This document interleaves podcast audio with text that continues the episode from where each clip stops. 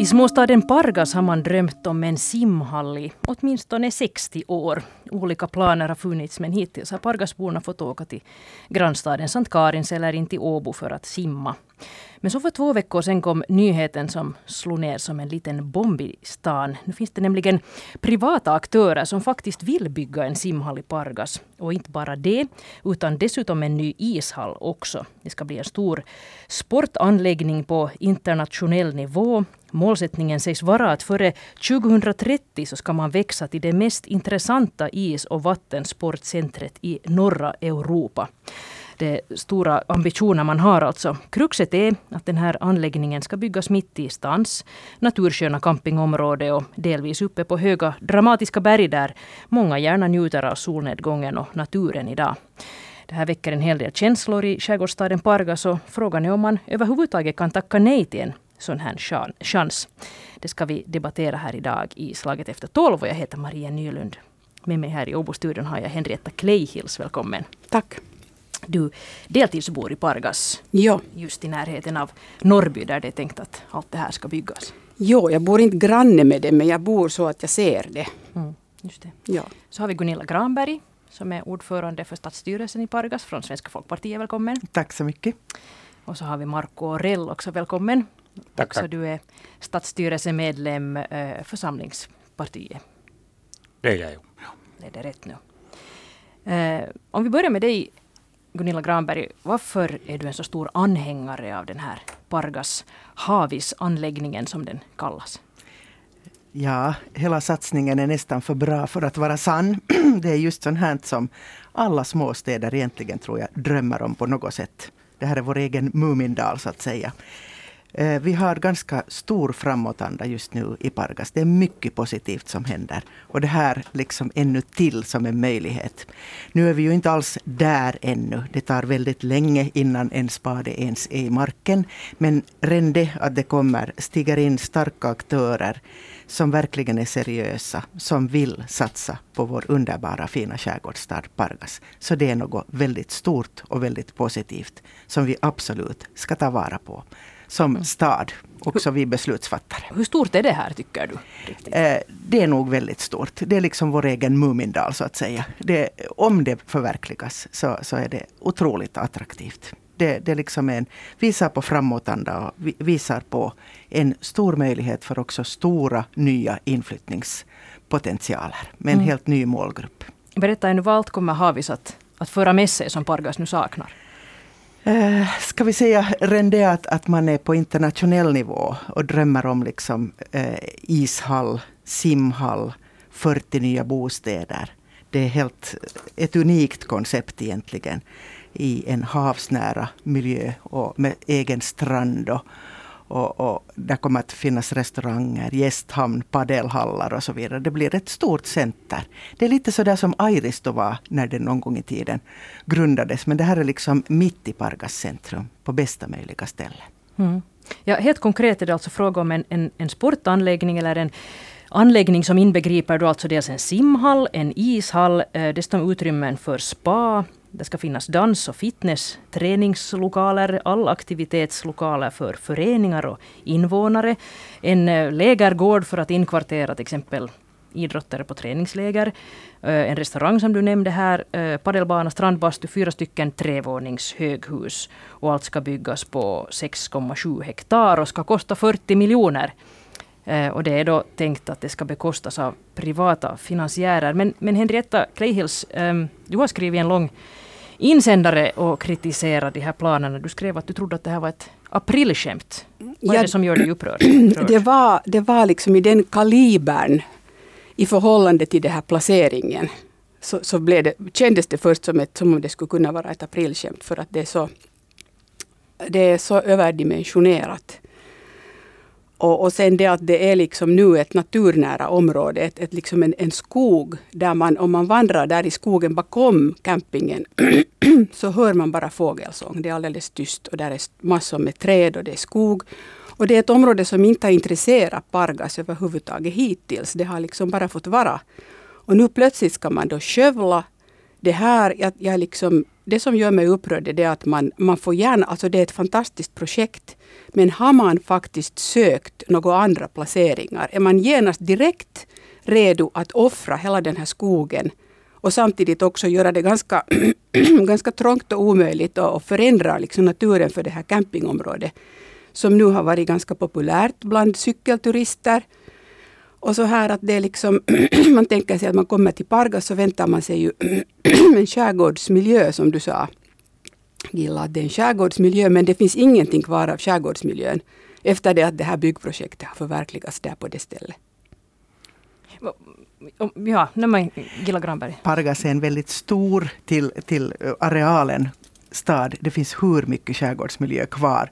Autentisk skärgårdsmiljö, orörd skärgårdsmiljö. Vi måste kunna våga titta på utvecklingspotential och vi behöver nya tomter. Vi behöver nya satsningar, definitivt. Det här är en av dem. Innan Marco Orell får säga så, ja. säg bara Henrietta Kleihils, vad är det som du liksom sörjer mest Uh, jag, tycker, alltså jag tycker absolut att Pargas behöver en simhall. jag, jag undrar bara att hur mycket har man liksom ut, ut, vad heter det, utrett eller liksom sökt alternativa placeringar för simhall och ishall då kanske om det behövs och något sånt här. Men, och bostäder tycker jag är helt okej okay att man bygger där. Jag menar jag förstår att man kan behöva nya bostadsområden men det här blir ett så enormt ja, jag, sörjer nog den här skogen och naturen och det kommer att för evigt liksom vara. Man, man offrar det och det är borta sen. Det, det, liksom går inte, det finns ingen väg tillbaka. Och så tycker jag också att Pargas, man är alltid ute efter att försöka locka folk till centrum och att centrum skulle vara levande. Men nu sprider man ut igen någonting som är, det är inte i centrum det här Norrby, det är ändå ganska långt från centrum det är liksom nära om man tänker att det är naturområde som finns i centrum. Men, men att liksom bygga någonting viktigt, en, en aktivitetscentrum igen, åt an, precis motsatta hållet var skolcentrum finns, var, var idrottsanläggningarna finns. Så jag tycker bara att det, liksom, oh, det bara gör att det blir en massa trafik kors och tvärs. Men fortfarande är själva centrum, Köpmansgatan, är liksom tomma. Men Marco Orell från Samlingspartiet, vad tänker du när du hör Henrietta Kleihils här? Ja, tack. Jag, jag lyssnar med intresse nog, nog det här helheten som, som Henrietta berättar här. Och, och det som jag, som jag lite funderar här, Henrietta säger att det är april 15. Jag funderar att det är nu mera fråga om julklapp i förtid. Vi har drygt halvt år till julen och nu verkar det så att vi har fått en julklapp som, som, som kanske, kanske kommer att gagna sen, sen hela, hela Pargas. Det som eh, här sägs att eh, man har inte undersökt de här olika alternativen så vi förtroendevalda är kanske, kanske så noggrant inne, inne i det arbetet men det som har garanterat sagt till oss att, att, att det har undersökts olika alternativen och det här var den enda. Och nu måste man komma ihåg också det att, att eh, staden har inte enbart möjlighet att, att eh, medverka till, till placeringen utan det är också beställaren som, som kommer med, med sina är det inte staden som är beställare i det här fallet? Nej. Nej, nej det, absolut och det vill jag också i det här skedet redan säga att det som vi är ute efter, vi har nu en reserva, reservering för, för det här området som fullmäktige har beslutat och det kommer att betyda att det slutar det här första skedet så snabbt vi har fått i stånd stadsplanen. Och det är den biten som, som, som är nu aktuell i det här skedet och resten kommer att bli sen, sen senare. Det som jag tycker är jätteviktigt i det här skedet att det är privat företag det här som, som är bakom här. Och det är inte fråga om staden i det här skedet utan staden bidrar bara med sina infraplaner och sen, sen med stadsplaneringen tillsammans tillsammans görs. Det som jag tycker att är jätte, jätteviktigt också, också, jag har varit inte så stor anhängare för strategin. Och nu har vi fått till stånd egen strategi i staden och där är fyra pelare som det bygger på. Och det här firman som som nu håller på med det här Havis, så de, de säger i sitt firmanamn redan att det är rekreation, gemenskap och sport. Och de här pelarna som, som staden har i sin strategi så kommer att vara ungefär just precis de som passar in, in och ihop med det, med det här. Men det är säkert vi funderar sen vidare att, att, att vad kommer det här verkligheten att bli när vi kommer så långt att, att planen är färdig? Mm. Men eftersom det här företaget nu står för både idén och, och liksom finansieringen så finns den, kan staden på något vis ändå bromsa och kanske lite liksom hålla igen då, eller måste ni gå med på allt vad det här företaget nu presenterar? No, det är klart för att ni får, får en julklapp? No, det är klart att staden håller trådarna i det här och staden och fullmäktige i sista hand är den som beslutar sen planen. Så att alla de här trådarna är i stadens händer. Men det är klart att vi måste, vi måste sen lyssna på vad beställaren eller den här firman som erbjuder de här tjänsterna till staden, så, så vad de önskar. Mm. Jag ska säga här, för, för, ge en kort förklaring här till, till, till, till de som lyssnar. Alltså i måndags så möttes då Pargas fullmäktige och, och där godkände ni att Pargas stad och det här projektbolaget som har redan nämnts här, det heter Pargas rekreation, gemenskap och sport, PRGS. Att eh, man tillsammans gör upp ett, ett avtal om så kallad planeringsreservering och, och det betyder att man nu tillsammans går igenom eh, och utreder om hela anläggningen alls kan genomföras praktiskt och ekonomiskt och, och stan sätter nu redan personalresurser på att arbeta fram en detaljplan för området då baserat på det här bolagets eh, planer och önskemål. Och, och, så, så nu ger man ju alltså så att säga det här bolaget förtur till det här området mm. för att de ska kunna förverkliga sina planer. Jag, jag, tänker att det här är ju ett ganska stort beslut ni har fattat, Gunilla Granberg. Alltså, ni har liksom gett ett starkt ljusgrönt ljus för att bolaget ska kunna förverkliga gett, sina planer? Ja, det har vi gjort. Vi har, vi har helt enkelt sett möjligheterna i det här och går jättegärna med på att, att tillsammans planera med dem. Mm. Att va, och helt enkelt för att få dem att förverkliga alla de investeringar de har tänkt sig. Men vad tänker du Henrietta Kleihius om den här tidtabellen? Det är ju alltså två veckor sedan som allmänheten fick, fick nys om det här så att säga, fick den här planen presenterad för sig och, och nu har man så att säga gett ett starkt OK. ljusgrönt ljus för ja. det här, eh, fast man ju inte har gett ett bygglov direkt ännu, men att, att det är ju tåget i rullning så att säga. Vad, vad tänker du om den här tidtabellen? Jag tycker det är ganska skrämmande. Alltså jag har bekantat mig med de här personerna som finns bakom det här PRGS och jag, jag förstår att ni har fallit, fallit platt liksom för det här. För de, de, de har både pengar och kunskap.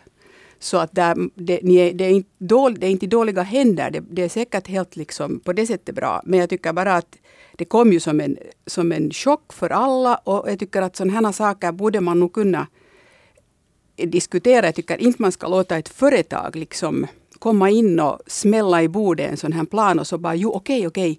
Alltså jag tycker nog att, att, jag vet inte sen om Pargasborna, förstås man vill ha en simhall men jag tycker nog att man borde lite stanna upp och fundera på det här med naturvärdena. Och det här med att, att spränga i berget och hugga ner skog och gräva och dra det kommer ju att bli en enorm in, liksom, inverkan på det här området. Det kommer ju inte att se, vara likt sen mera om man bygger liksom, så som det såg ut, alltså en sån glas, enorm glasbyggnad, fasad säkert mot havet och det där och sen de här bergen som är väldigt känsliga och mycket speciella, höga branta berg.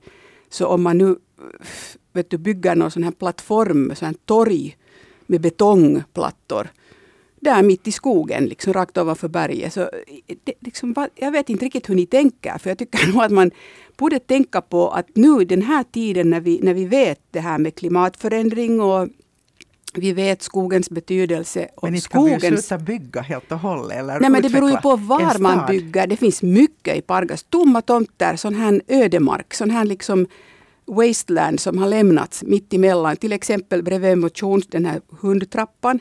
Där finns område ett, bredvid det skolan. Det finns inte tillräckligt stora områden. Nej, man kan inte bygga hotell. Un undersökts var, var, man ska, var man ska hitta det mest optimala stället. För en simhall. Det är ju problemet är ju det här. Hela det här, helheten. Ja, det är, ju det, det är ju det som är problemet. Att inte kan man ju hitta på ett ställe liksom både utrymme för, för hotell, simhall, ishall. Det är ju klart att allt det här är lite svårt. att Det måste ju vara ett obyggt område med skog och så här. Men måste man ha allting på det här sättet ihop? För nu är det ju så att hur ska de här betjäna skolorna? Givetvis ska de betjäna skolorna. Marco Aurel. Jo, de har olika, olika alternativ för den här placeringen. Så, så det som talades om bredvid skolorna, så det har undersökts och, och sagts att eh, tyvärr gruvan är för nära. Så att tyvärr vi har inte såna, sånt område som kan utnyttjas där. det, som är, det som är också faktum är att, att nu när det talas om, om en sån här helhet, det är klart att, att det måste tyvärr koncentreras på ett ställe för att få någon slags effektivitet och, och lönsamhet till, till helheten. Om vi har splittrat de här olika funktionerna så, så det kommer inte att leda till, till den, den resultat som, som man önskar. Men hur ska skolorna, skolungdomarna, skolbarnen på sina gympatimmar ta sig till den här simhallen sen? No, det diskuterades också i fullmäktige och sades, sades nog att det är en sak som måste sen lösas på, på något sätt. Det klart att vi har vissa, vissa, vissa grupper som, som, som är kanske lite sämre situation i det här hela men, men för tillfället skjutsas de här barnen till exempel till Åbo för att ha sin ja, simstudier. Men när det sen byggs en simhall i Pargas så måste de fortfarande skjutsas för att man har valt att bygga det i andra ändan av stan. Vi har ju Finlandsmodellen i, i Finland, också i Pargas. Det vill säga att, att man också utnyttjar eftermiddag och mor morgonturer och så vidare. Och, eh, så har vi Piftis som har mig veterligen till och med en egen skjuts eh, redan idag i, i, bruk. Att det här är bara liksom små saker som ordnar sig. Det, det är inte, alltså, ja, och också den här stadsplaneringschefen Saristo Levin. Jag minns att hon nämnde i det här fullmäktige, eller i det här stadsstyrelsebeslutet, eller i något skede om det, kommenterade det här, så att, att kollektivtrafiken ska utvecklas. Nu tittar vi på Parga som är en liten stad. Och där liksom en riktig liten stad. En riktig liten stad. Men kollektivtrafik i Pargas, va, va, hur tänker ni då? Vad ska det vara? Jag skulle säga en riktigt liten storstad det som, som vi tycker, tycker i Pargas. Det är klart att det kommer, kommer de här problemen. Den, den som jag skulle lyfta, lyfta upp då hon nämnde, nämnde det här miljön här så, så nu är det meningen att eh, vi bygger, bygger, eller vi inte bygger, utan den här firman kommer att bygga med hållbarhet. Alla de här lösningarna som kommer att användas där kommer att vara sådana som kommer att vara och fylla de här hållbarhetskriterierna. Hur, hur till exempel nu sen när det gäller värme, så att man använder värme som kommer som spill används sen, sen i uppvärmning och vice versa. Så att där kommer att bli sådana ekonomiska lösningar som, som kommer att vara dagens, dagens melodi nog, nog här. Hur är det med renings, vattenreningsverket sen då? För det finns ju där längs samma gata väg, strandväg, Norrby strandväg. Så det blir ju, det blir ju ytterligare stor belastning för det här vattenreningsverket. No, experterna har sagt nu att det räcker, räcker också kapaciteten där och det kan man tillöka. Det som är jätte, jättebra att för tillfället där finns lite, lite de här luktproblemen och det har sagts att eh, 2026 kommer, kommer det att, att eh, slutas tack vare det att, att de här eh, slamtömningarna slutar där. Så att den biten kommer, kommer att bli sen det frågade också, också jag i, i något skede i fullmäktige att, att, att har, vi, har vi det klart? Och det sades att den biten är avklarad. Annars, annars skulle det inte duga, duga den här platsen. Får jag, får jag fråga om, om det här initiativet skulle ha kommit från stan själva att bygga en simhall eller en ishall. Skulle ni då ha placerat det just här? På det här tilltänkta området? Eventuellt ja om, om vi också skulle ha eh, sett till att, att, att, eh, vi skulle, eh, att boende skulle utvecklas på samma ställe. Jag tycker om helhetskonceptet. Det kommer att, att locka till sig barn, barnfamiljer i, i mycket stor etappning, tror vi. Mm. Att det är ett helt nytt helhetskoncept som man har räknat ut och, och planerat in här. Och jag är inte mer än jätteglad för det här. Det här är ju vad de flesta mindre och, och också större kommuner och städer drömmer om. Att det kommer människor har, människor som har upptäckt liksom den egna staden och, och vill investera och vill satsa i den. Det är ju ett drömläge på riktigt. Det som väl åtminstone är helt klart är att den nuvarande campingen, eh, Sollidens camping, den kommer att att flytta. Den är nu precis på det här området. Um, och, det där, och jag har förstått att man har letat efter ersättande platser och en, en, en plats som har nämnts är ett ställe som heter Mustfin som ligger äh, ganska avsides, 13 kilometer från centrum och inte längs med Skärgårdsvägen heller, äh, där man nu väl får anta att turisterna främst rör sig. Ett hur stort problem är det här, tänker ni som är politiker? No, det kommer att, kommer att vara stort problem om vi flyttar det till, till Munkviken. Därför att, eh, Mustvin, till Mustvin, förlåt. Eh, där finns omgivning och, och själva, själva de här terrängen är jätte, jättepasslig så att sandstrand etc. Det som, vi, det som vi kanske inte har här i, här i centrum. Men jag tror att, att, att och poängtera det att våra tjänstemän har sagt att, att vi hittar nog plats här närmare centrum till campingområde också i fortsättningen. Så att också den delen kommer att bli, bli avklarat här med tiden. Men först måste vi få klart med stadsplanen och, och få den i ordning för att vi vet att ska det bli eller ska det bli inte. Det är en detaljfråga det där. Det ordnar sig. Jag blir alldeles matt. Alltså, därför att campingen är väldigt, den är, den är väldigt idyllisk och dit kommer människor. Jag menar Pargasbor kommer dit och simma. Det är en väldigt fin strand. Och där är som sagt de där bergen och sen är där också de här Själva campingområdet så är väldigt, väldigt naturnära och idylliskt för att där finns de här små stugorna, övernattningsstugorna. Allting är så där småskaligt och det är liksom det man söker när man kommer som turist, som, som, om man ska resa längs Ringvägen till exempel, så är den ju när precis vid Skärgårdsvägen, som man viker in och så övernattar man, man kan bada bastu, man kan, där är en restaurang. Det, det, det är ett fungerande koncept redan nu. Att, att nu kommer man då att göra sig av med campingen och om man flyttar den till Mustfinn så då måste man ju ordna transport dit också. Så det blir en massa jag förstår att man behöver kollektivtrafik. Då att Parga ska bli nu en storstad där campingområdet är 13 kilometer, sådär som i Helsingfors där campingområdet är i Rastböle som är 13 kilometer utanför centrum. Det är liksom varför måste man ändra på allt? Varför liksom lite mindre skala och lite liksom Ja. Ja, vad har ni för vision av Pargas liksom i, i fortsättningen? Du, du talar för småskalighet och den här småstaden. Vad, vad, vad tänker ni som politiker? En riktigt liten skärgårdsstad med som den redan, redan idag har full, full god service och, och, mycket är väldigt, väldigt bra. Vi har många som har satsat. Vi har den nya motionstrappan och där är levande musik på, på Köpmansgatan, gågatan redan idag. Och det är mycket mera människor i, i rörelse. Centralparken har utvecklats otroligt mycket. Allt fler människor trivs och, och ska bo och flytta och välja Pargas på, på många sätt. Vi behöver vara en, en livskraftig stad också i framtiden och då, då kan man inte liksom sätta huvudet i malpåsen och säga att, att vi ingenting ska röra, att allt ska vara precis som förut. Man måste hela tiden titta på nya möjligheter och skapa dem tillsammans med företagare det är inte bara staden som gör det, utan man gör det tillsammans med företagarna. Och den här företagarandan är också oerhört viktig, att man samarbetar med alla företagare. För utan företagare så stannar Pargas. Mm. Ja, den här stans beredning inför det här beslutet då i måndags så, så talar man en hel del om fördelarna. Alltså att man får inkomster från försäljning av tomter och så får man in mera skattemedel. Det ska bli ökad inflyttning och nya arbetstillfällen.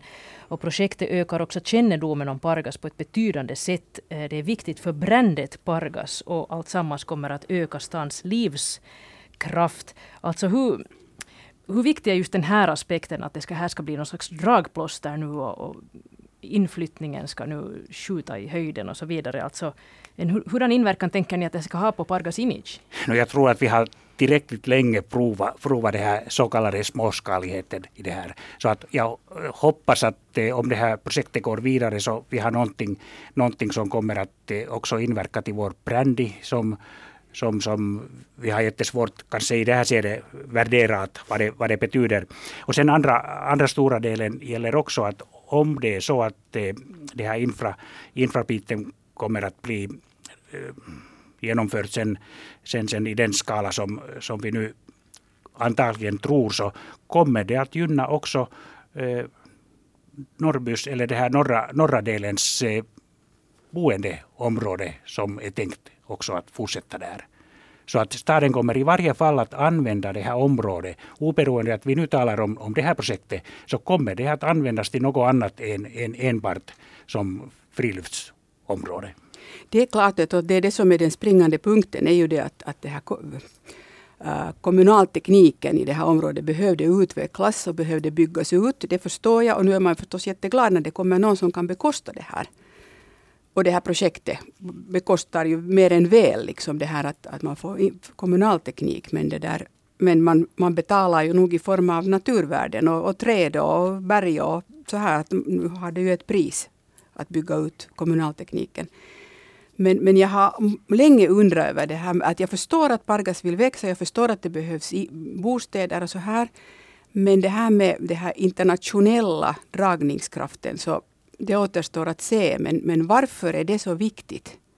Det är ju för Pargasbor när man bygger en simhall och det är ju för, det är ju för Pargasbor när man bygger bostäder. Liksom folk som bor där behöver man alltid då bo på ett ställe som har internationell dragningskraft? Och vad, bety, vad menar man riktigt med det? Det, det, liksom, det förstår jag inte riktigt. Man menar helt enkelt att Pargas blir mera känt. Förstås nationellt men, men kanske till och med internationellt. När det är så här pass eh, namnstarka människor bakom den här satsningen. Att här är, här är verkligt stora stora duktiga personer. Ska som, du berätta vem det är som står bakom det här? Jo, det kan jag. Det står alldeles på deras hemsida som är på Pargas Havis. Eh, det är Mika Sylin och Yrjänä Haatela och Tuuli Haatela. Och Johan Kronberg är också med från Pargas. En mm. känd, eh, känd figur som figurerar där det går väl och, och, får mycket gott till stånd. Ja, vi kan berätta att de här, de här personerna eh, som finns bakom här har bland annat varit bakgrundskrafter i den här stora Vierumäki idrottsanläggningen som finns där i, någorlunda nära Lahtis. Ishockeyprofiler som bland annat har drivit bygge av Tammerfors nya Nokia Arena och tiotals andra stora ishallsprojekt i Europa. Ehm, så att det, där, det, det är ju väldigt på något vis imponerande namnlista här nu som som ni har. Eh, och jag, det där, jag funderar också på det här att, att eh, att om, om den här anläggningen faktiskt förverkligas så, så, så jag kan tänka mig att, att det som politiker skulle bli ganska svårt att också tacka nej fast man också skulle tvivla lite. Att, att, att, eh, att, det där, att kan man tacka nej till ett sånt här erbjudande? Jag tycker inte. Jag tycker inte, men dock ska man nog vara lite realistisk med tanke på vad det ankommer liksom stadens budget och, och hur mycket vi kan satsa på infrastrukturen och så vidare. Att vi måste också titta på vår egen smärtpunkt. Att hur långt kan vi gå med? För det är ju självklart att stadens uppgift blir att bygga infra. Rondellen vid, in vid Reimari och vägar och vatten och avlopp och sånt här. Mm. Att, att där måste vi titta med svagt realistiska eller starkt realistiska ögon ja. på det hela helt enkelt. Ja, bolagets budget här är ju då 40 miljoner, det har vi nämnt här redan. Det är det man tänker att den här anläggningen ska kosta och det då ska finansieras privat. Men ähm, som ni var inne på så kommer ju Pargas att bidra här nu då med att bygga vägar och avlopp, fjärrvärme. Äh, så att det kan bli frågan om utgifter ändå på flera miljoner. Eh, innan det här är färdigt. Och sen kommer ju nu driften till. Alltså det lär ju ska vara på det sättet att varenda simhall i det här landet behöver subventioneras för att gå runt och man räknar med ungefär en halv till en miljon euro per år. Eh, så hur dyrt kan det här bli för Pargas? Vad tror du Marko Orell? Du, Samlingspartiet brukar hålla hårt i plånboken. Jo, det försöker vi hålla, hålla på och det gör vi också. Det som är, det som är sen faktum att i det skedet när vi börjar underhandla med firman om, om de här kostnaderna så, så måste vi känna, känna till att vad det bjuds och vilken, vilken nivå. Men i det här skedet när, när de håller trådarna, den här privata firman, så det är jätteviktigt att staden bara medverkar och, och ger möjligheterna men inte säger vad behövs, utan det är firman som funderar sin egen firmaidé och sen, sen i och med det att det är färdigt så kommer den dagen att vi börjar diskutera sen om de här driftskostnaderna och kanske möjligheterna att våra invånare har en aningen billigare sen att utnyttja de här tjänsterna. Men den dagen är inte ännu och därför är det viktigt att, att firman håller trådarna helt och hållet i det här skedet. Mm. Men det står ju i det här, i det här äh, avtalet, alltså nu ska det göras upp ett avtal mellan Pargas och det här privata bolaget och i förslaget till det här avtalet så står det att eh, målsättningen är att genomföra projektet på ett ekonomiskt lönsamt sätt. Och i föredragningen här till måndagens fullmäktigemöte så stod det också att, att när projektet fortskrider så bereder sig stan på att delta i driftskostnaderna under förutsättning att det möjliggör kundavgifter till rimligt pris för kommuninvånarna, precis som du sa. Men, men förstår jag det här nu alltså rätt att eh, förbinder ni er alltså nu till att subventionera det här bolagets verksamhet så att anläggningen sen också hålls flytande ekonomiskt? det kommer, det kommer inte att vara aktuellt nu i det här skedet utan kanske man får från den här föredragningen den uppfattningen att vi har redan diskuterat om det. Men det, det har vi inte gjort. Utan, utan den delen som gäller de här kostnaderna och stadens andel kommer att vara i senare skede. Och där håller jag hårt, hårt fast att så måste vara. Så att vi kan inte i det här skedet säga att, att så och så mycket kommer vi att bidra. Därför att annars har vi öppnat plomsan och då, då går det förbi. Mm. Marco har helt rätt här. Att, att det här är inte alls på bordet ännu. Att vi är bara vi har helt enkelt gett OK för en planeringsreservering. Och det är det vi ska börja, eller det påbörjas nu, det arbetet. Men man kan ju lätt tänka sig att en sån här investering på 40 miljoner kommer att kräva, det blir åtminstone en väldigt lång återbetalningstid innan man har fått igång businessen och så här att eh, hur svårt blir det för Pargas att sen säga att ja, att vi är nog inte beredda att stödja det så här mycket. Tack ska ni ha nu för ert engagemang men en bit i gången. Så är det nog. Ni har ju också andra stora projekt, nämligen i stan. Eh, det här stora skolcentret som, som det där eh, var alla tiders största investering i Pargas. Ett nytt skolcenter som, som byggs just nu och ska kosta 22 miljoner euro. Nu har ju de här byggkostnaderna som vi vet har ju stigit här ganska duktigt. Så att det där, um, vad tänker du, Marco Orell, hur känns det att se framför sig ytterligare ökade driftskostnader nu då i och med en sån här sim och ishall? Ja, då det, det är klart att kostnaderna kommer, kommer säkert att bli andra än, än kanske, kanske dagens uppskattningarna är. Men, men, men eh, om vi säger i det här serien att, att, att ingenting görs så jag tror att utvecklingen stannar helt och hållet. Vi måste vara beredda och, och ta konsekvenserna sen i det serien när, när det är aktuellt att ta. Och det måste jag säga nu här i slutet att det som har varit positivt och vi tänker det här förtroendevalda behandlingen att alla, alla partierna har varit jättepositiva till det här. Alla har sina egna dubier nog att vad, vad finns bakom sen och vad, vad kommer det att leda till men, men alla har varit positiva i det här serien och det är jätte, jättefint här i, här i Pargas beslutande.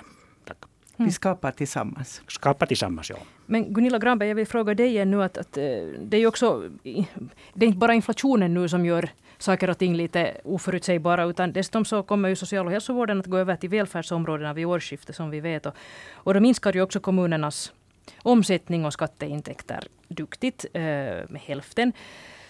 Så hur stor risk är det nu att satsa på ytterligare infra här och, och det där höga driftskostnader när ni redan har ett dyrt skolprojekt på gång? Och... Skolprojektet blir färdigt före det här ens påbörjas. Det här själva. Så de kommer inte samtidigt in, de här två jättestora skilda bitarna. Men kostnaderna ska betalas av ändå? Kostnaderna ska betalas och just nu har vi en väldigt god ekonomi mm. i Pargastad. Mm.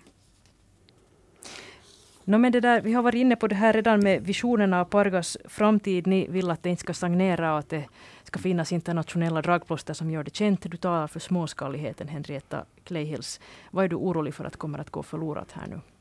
Alla verkar ju väldigt positiva och eniga här vad gäller eh, från politikerhåll. Uh, ja, no, jag är, vad ska vi säga, jag tycker att det jag tycker det är synd att man måste välja att bygga i den enda skog som, som finns kvar liksom inom, inom radien liksom för vad man kan gå inom centrum. Jag vet att, att vad ni tänker, att ni tycker att, jag är, liksom, att det här är bakåtsträvande eller att man måste bygga. Jag förstår, jag tycker man kan bygga bostäder men jag tycker fortfarande att det är ett att det är ett serviceprojekt ändå med simhall och ishall och den borde finnas närmare så att den betjänar skolungdomarna. Och också människor från Nagu och Korpo på vintern när de vill komma och simma. Så hur ska de ta sig nu? Det är nu en sen, senare fråga. att Det blir då busstrafik eller något sånt här. Men, men jag tycker att det, det går... Alltså, jag förstår att man måste bygga men jag tycker att man skulle kunna ta mera hänsyn till miljön och faktiskt planera det så att det smälter in i miljön och inte så att det gör våld på miljön. Det tycker jag. Det är ett serviceprojekt som skapar välmående. Det gör skogen också. Skogen skapar välmående. Det finns mycket skog i Parkas. Det beror på vad, men inte, inte inom gångavstånd och inte så som det nu är att liksom det här Solliden och, och den här skogen och den här naturen. Det folk som då kommer utifrån så de faktiskt kommer mitt in i den här finska finska naturen och de kan, de kan liksom se det. Och också Pargasborna kan vandra. Man har inte gjort något åt den här skogen men man skulle kunna göra det.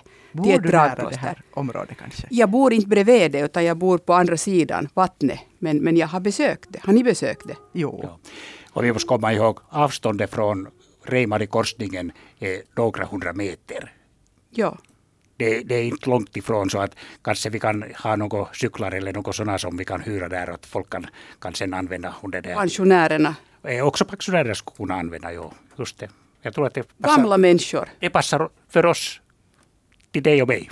Gamla människor ska ta sig först till Reimari. Det är jobbigt, tillräckligt jobbigt redan nu att när man ska på uppköp så, så folk kan, de ska till S-market eller till eller till Reimari eller sen ska de till biblioteket. Allt ligger liksom så här att man kan inte gå till Det är alla. nog centralt om du jämför med några större städer. Får jag Pargas är inte en storstad. Får jag fråga er politiker, eh, finns det någonting som, som mm, vad skulle få er att tacka nej till det här? Finns det någonting som, som ännu, vad skulle hända för att det här inte ska bli av? Ur min synvinkel om, om det helt enkelt förutsätts att staden måste komma in med för, för stora eurobelopp. Det är det enda som ur min synvinkel kan stoppa Och, det hela. och det är att om vi talar om att de- delägarskap i, i det här bolaget, det, det, det, kom, det kommer jag inte gå med. Just det. Vad har du för hälsningar Henrietta Kleihels till politikerna nu som ska besluta om de här frågorna här framöver? Jag tycker att de ska hålla liksom lite handen på bromsen emellanåt. Att de liksom lite tänka att kanske man skulle våga uh, lite banta ner på det kanske och, och liksom också ha någonting att säga när det gäller den arkitektoniska eh, förverkligande, det arkitektoniska förverkligande av det här projektet. Att det finns, man kan bygga naturnära, man kan bygga så att det smälter in i naturen.